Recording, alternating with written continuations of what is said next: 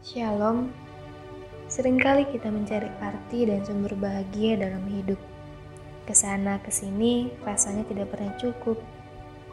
Namun Yeremia 9 ayat 23 24 tertulis, Baiklah bermegah karena yang berikut bahwa ia memahami dan mengenal aku, bahwa akulah Tuhan yang menunjukkan kasih setia, keadilan, dan kebenaran di bumi. Bermegah adalah sikap hati yang disukainya dalam pengenalan akan Allah setiap hari banyak hal telah terjadi. Dari semuanya itu, sudahkah kita mengenal kasih setia, adil, dan kebenarannya dalam hidup kita? Ternyata tidak ada kebahagiaan di luar pengenalan akan Tuhan Yesus Kristus. Jadi, apakah kamu sudah bahagia? Tuhan Yesus memberkati.